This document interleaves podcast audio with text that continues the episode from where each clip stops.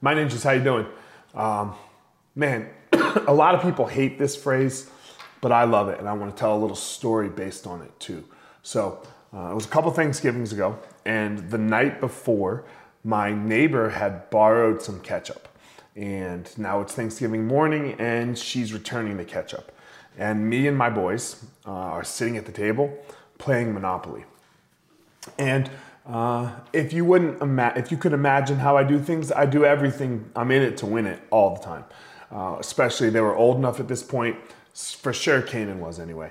So we're having a rather intense game of Monopoly, and she walks in and she looks and she goes, "Guys, it's just Monopoly. What what what's going on?"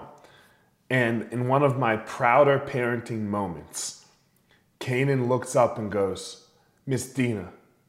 How you do anything is how you do everything. And I was so proud. And she was, uh, she was very upset with me, to say the least. um, but yeah, how you do anything is how you do everything, and that's what we're talking about. So do everything. Now, look, that doesn't mean you're going to do everything perfectly. No one's saying that. No, like the phrase doesn't mean, oh, you're going to be perfect.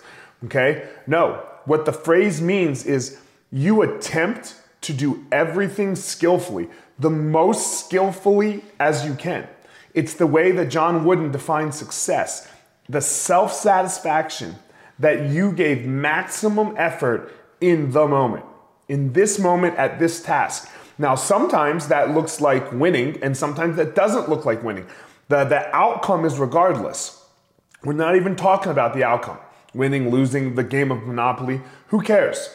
But how you do anything is how you do everything. So do everything with skill. The most skill you can do. Let's go. Discover your passion, find your power, go give your purpose to the world.